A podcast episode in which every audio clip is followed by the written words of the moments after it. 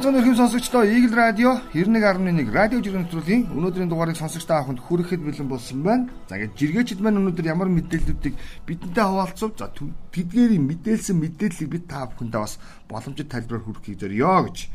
За өнөөдөр хэд хэдэн сонирхолтой жиргэнүүд анхаарал байгаа. Эндээс ялангуяа Монгол улсын нүүр царай юу байж болох юм, Монголын брэнд юу байж болох юм. Ялангуяа Монгол улсын хөгжилд ямар зүйлээр бид хувь нэмэр оруулах чадах юм бэ гэдэг агуулгаар нь олон жиргэнүүдийг түүж ирлээ. За эхний ээлжинд бид энэ бат инженерийн жиргэг чирж ирсэн.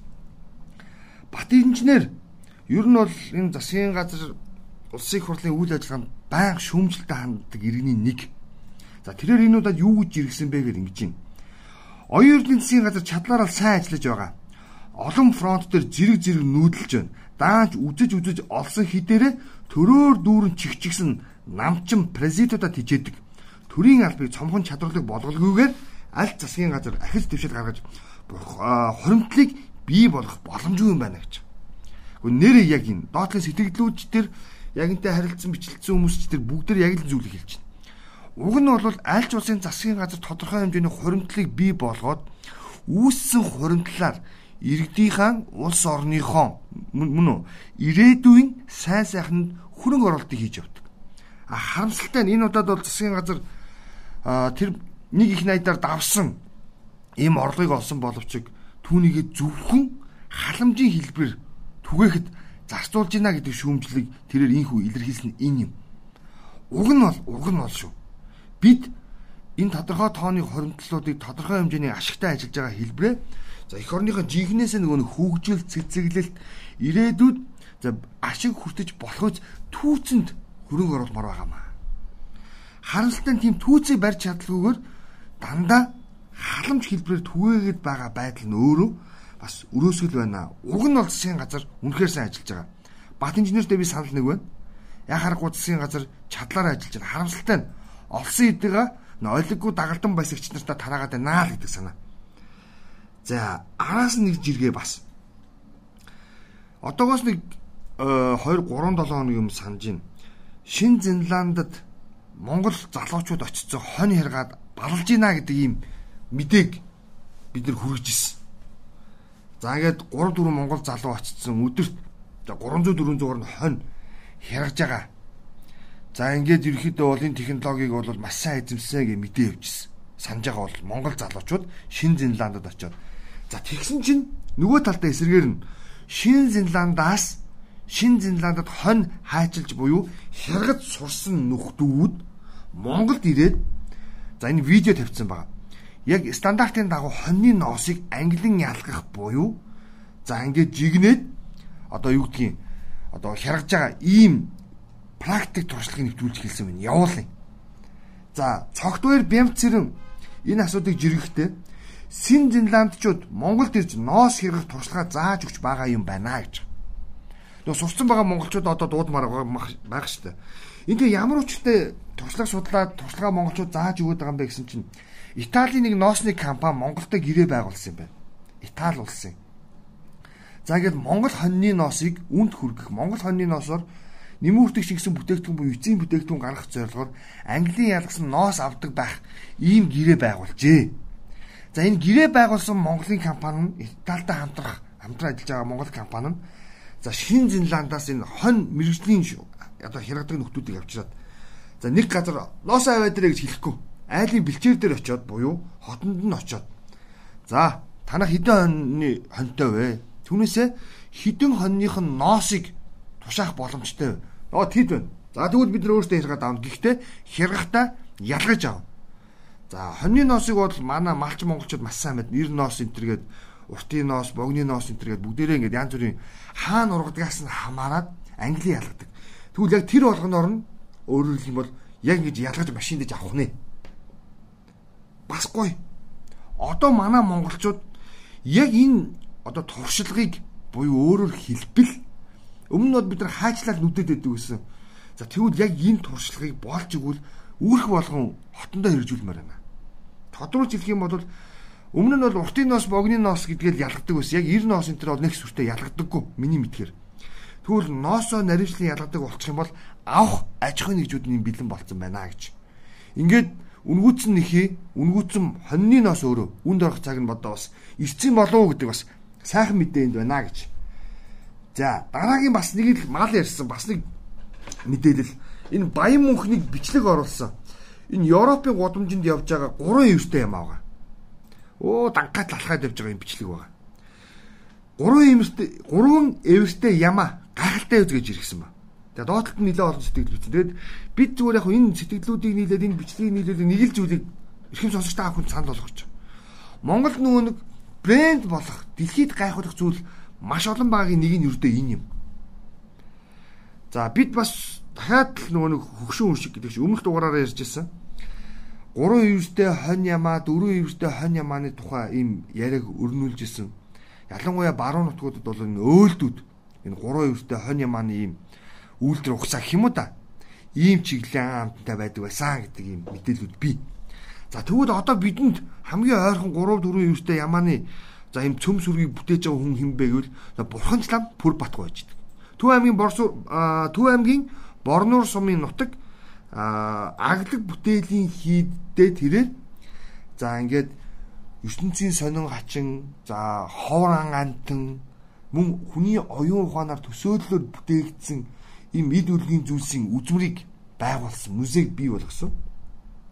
За тэгвэл тэр музей дотор байдаг яг одоо боддоор амьд байдаг ийм амьтны чихмэл гэвэл энэ 3 үертэй 4 үертэй хонь ямааны чихмэлүүд байдаг.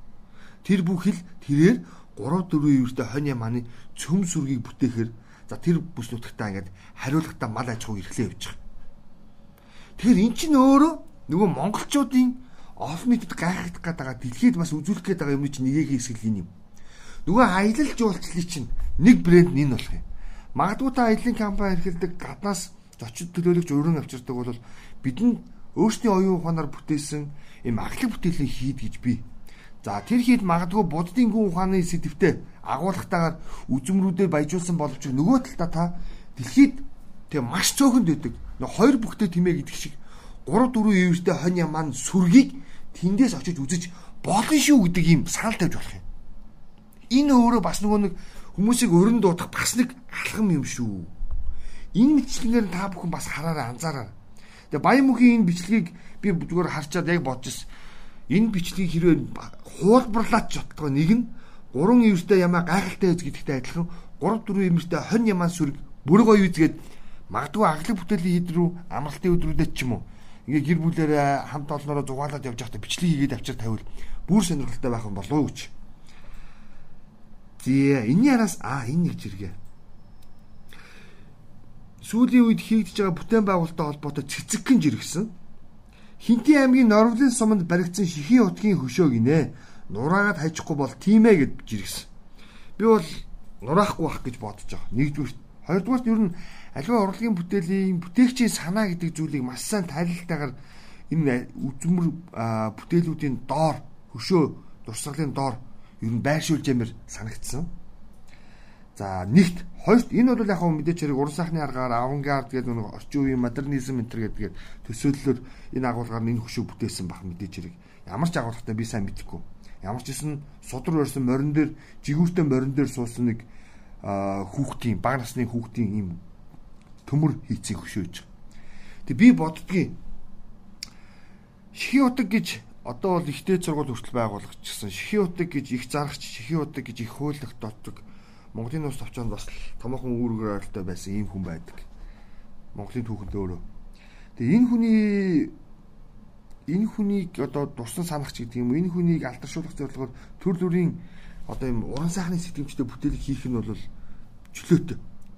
Харин тайллыг нь тий энэ бүтээлийн санаа нь юу юм зорилго нь юу юм яагаад энд хийсэн бэ гэдэг утга учраа олон нийтэд цаана мэдээлээрээ тэгхийн бол нөгөө амтлалын өшөө шиг азгүй үйл явдал автагдахгүй хаа гэж нэг хоёр гэвэл Амстердам билүү хаана нөлөө би буруу санаад ээж хотын буруу санаад ээж магадгүй Европын нэг хотод орчин үеийн ийм хөшөө баримтлалын бүр төв юм хот өгдөг.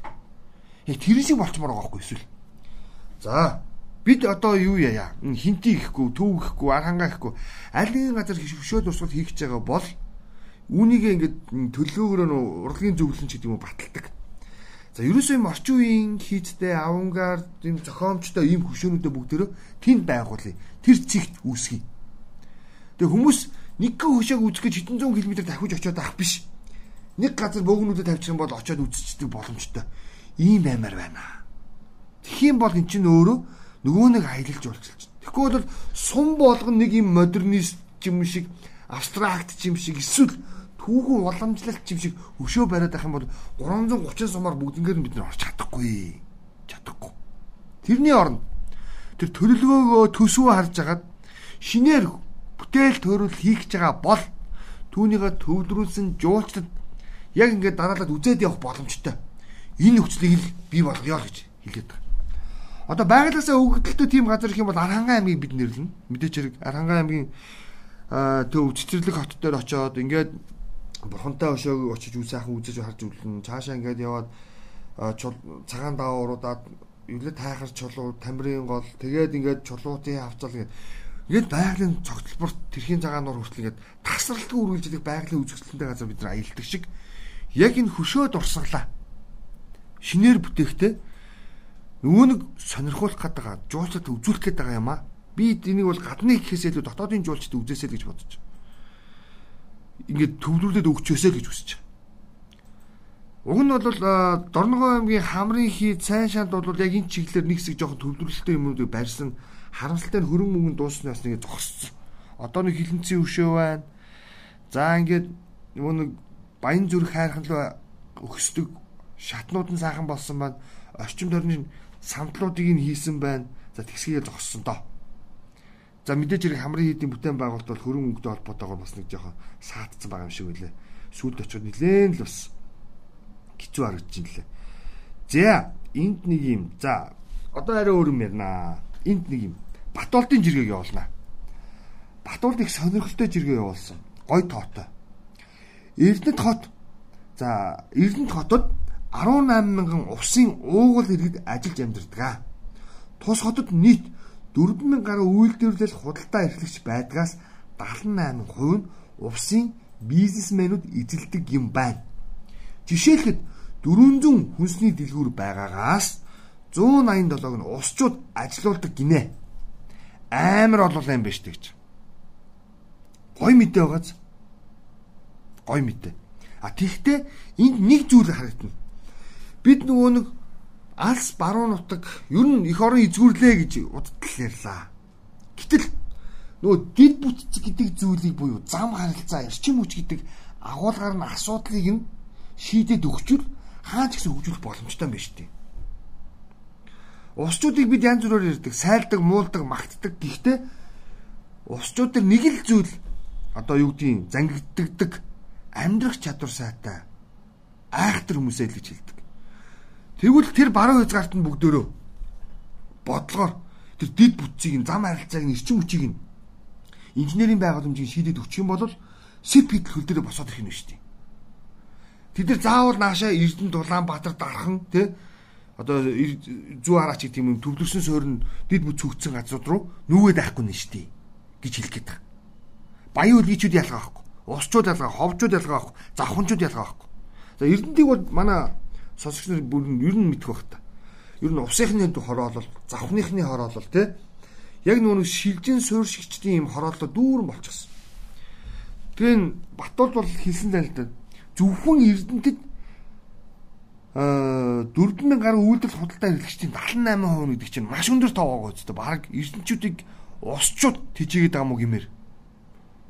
Тэгвэл тэр одоо баруун нутгийн нүүдлийг зогсооё баруун нутгийн хөгжлийг дэмжиж баруун нутагт хүн амаа төвлөрүүлэх гэвэл дид бүтцээ шийдээд өгчих юм бол эрдэнэтэд ирж ингэж тэ бөөн бөөнөр амьдраад ах шаардлага үүсэхгүй байх гэж л харах гад хэлэх гээд байна. Тэгэхээр бидэнд юу байна гэхээр тухайн бүс нутгуудад шаардлагатай инженерийн байгууламжийг бүгдээрээ бүтээе л гэж. Тэгээ харамсалтай нь манай төрийн нөхдүүд хийж ажиллаж чадахгүй байна л даа. Тэгээд тэрний нэгэн жишээ арай өөр хэлбэрээр том толгойн жиргээ. Том толгойд ганцхан жишээгээр нэг зураг нийтлээд тэр зурган дээр ширээн дээр байгаа утас утасны харилцуурыг нь аваад тавьчихсан байгаа зураг нийтэлсэн. Өрхийн имдэг рүү утас руу залгахад утас нь тасраад байхаар нь бүр гайхчлаа. Тэгээ хоёр суг хоёр суг таягтайгаа арай гэд яваад ирсэн чинь суурин утсаа хөндөй тавьчихсан байх юм аа. Ирээд хэлсэн чинь харилцаараа буцааж тавингууд нүдэн дээр шууд л дуудлага ирэх жишээ нь. Яа доо бид нэрэ гэд. Гэн яг ингэж байгаа маа.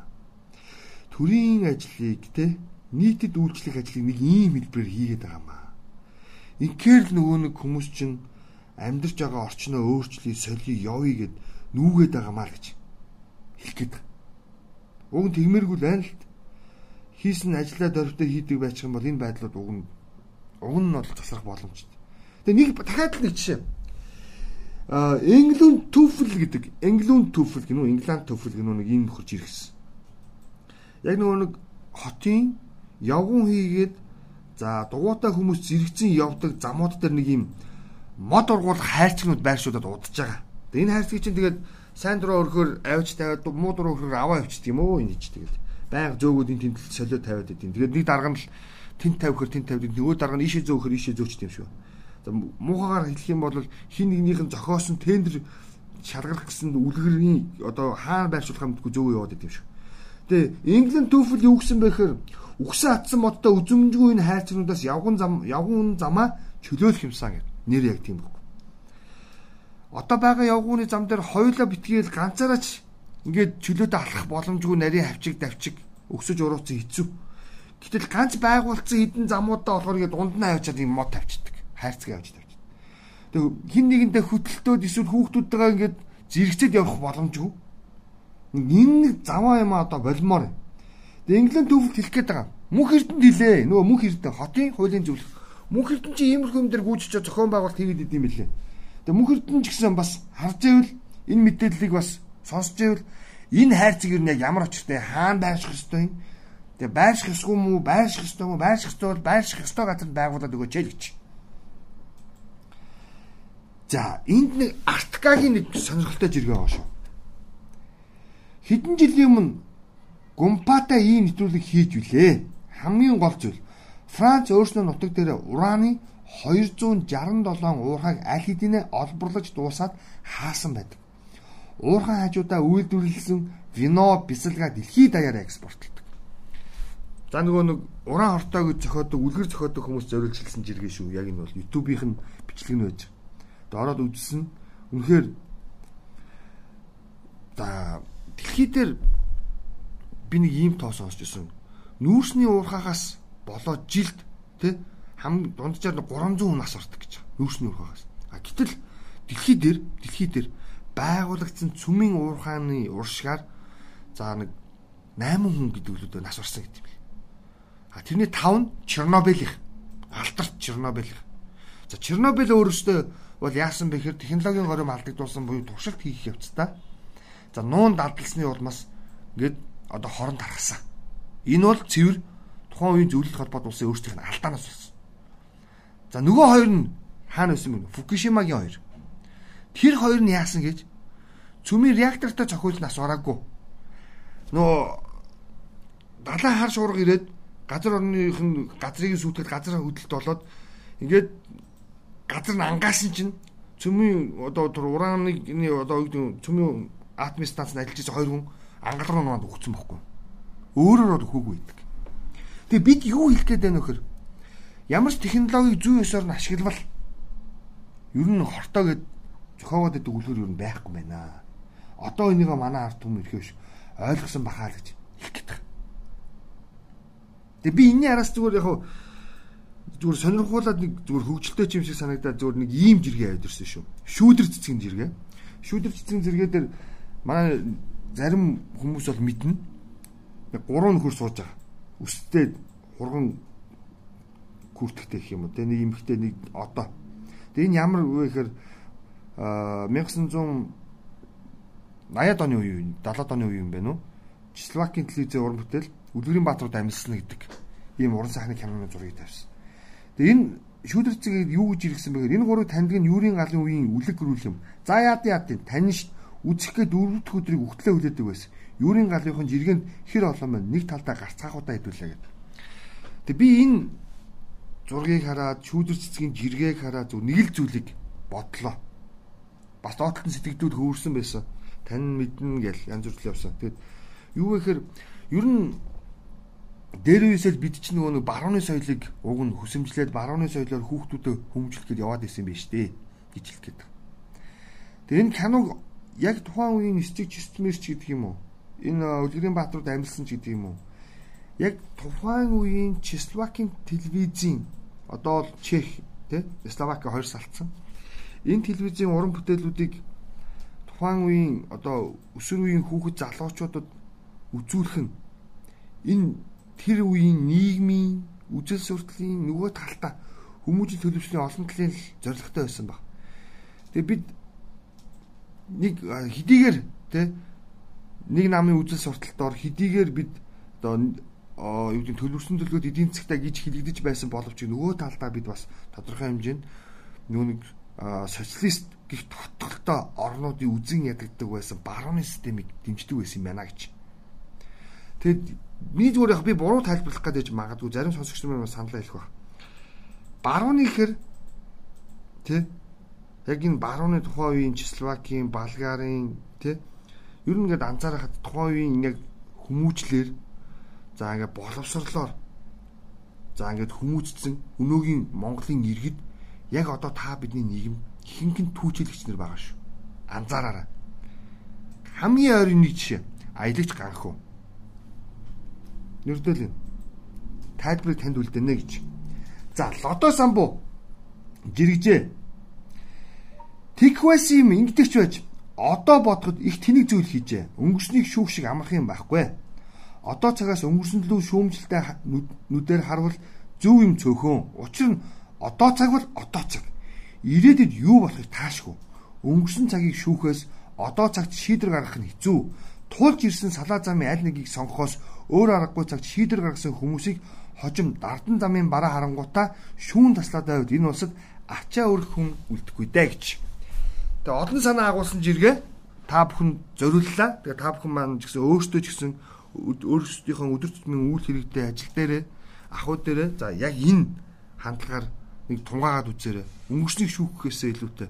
Өнгөрсөнд хийсэн хүний алдаанаас илүүтэй одоо хэрхэх вэ? Тэ? яах вэ гэдэг дээр нь тэ бас бодолцож үзээрэй гэж. За өнөөдрийн дугаарыг өндөрлөө бидний хамтаас ирхэм сонсож та бүхэнд маш их баярлалаа. Дараагийн дугаараараа илүү олон мэдээлэл иргэн үзүүлж байна.